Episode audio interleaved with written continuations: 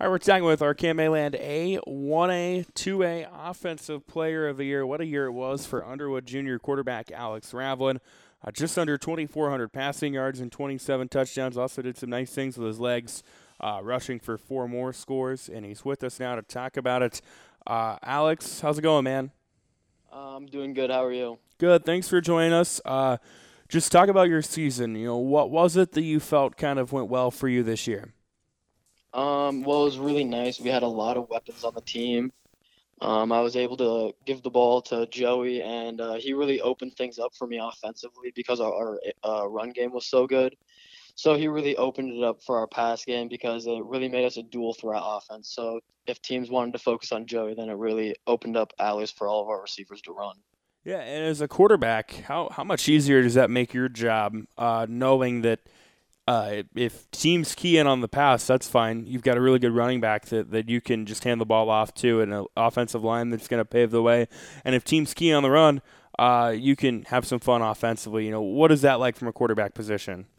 Oh, uh, Joey made my life so much easier. Him and the O line paired together just made everything open up a lot easier. They made uh, alleys for the receivers to run, like I said before. Um, RPOs opened up really well, especially when I faked the ball into to Joey. They really bit down on it. And it just opened up a lot of places for uh, for me to do well. You you had a really really good sophomore year. Uh, I don't think anybody would question that. But then it looked like from soph you know sophomore Alex Ravlin uh, to junior Alex Ravlin just looked completely different. Where do you feel you grew the most within that one year? Um, I really uh, stress the importance of being efficient on myself. That's something that I really wanted to be able to do during the off season. So, in that time, I really worked on being efficient, um, making smart choices, making the right choices, giving my receivers opportunities. So I think my completion percentage went up like 15% in just one season.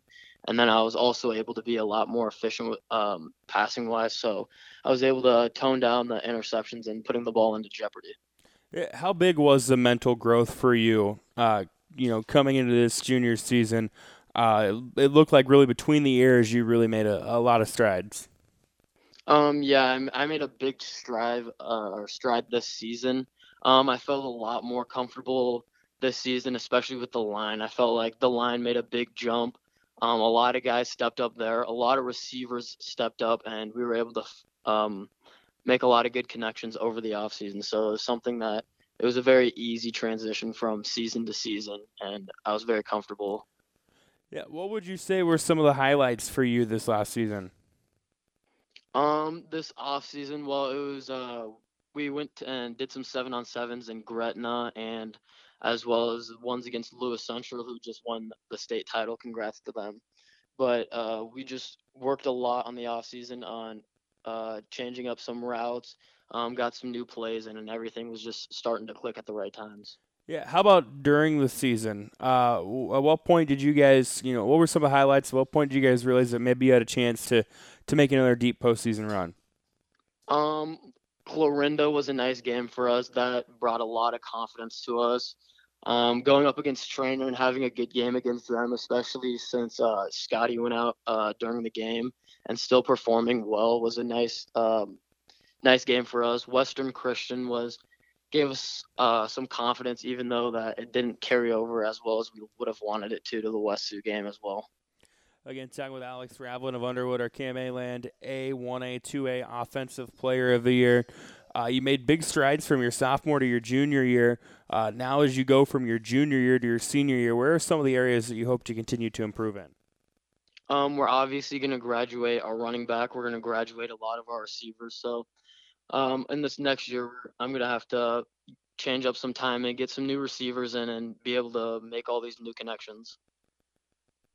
Again, that's Alex Ravlin of Underwood, our A1A, 2A Offensive Player of the Year. What a year it was for him.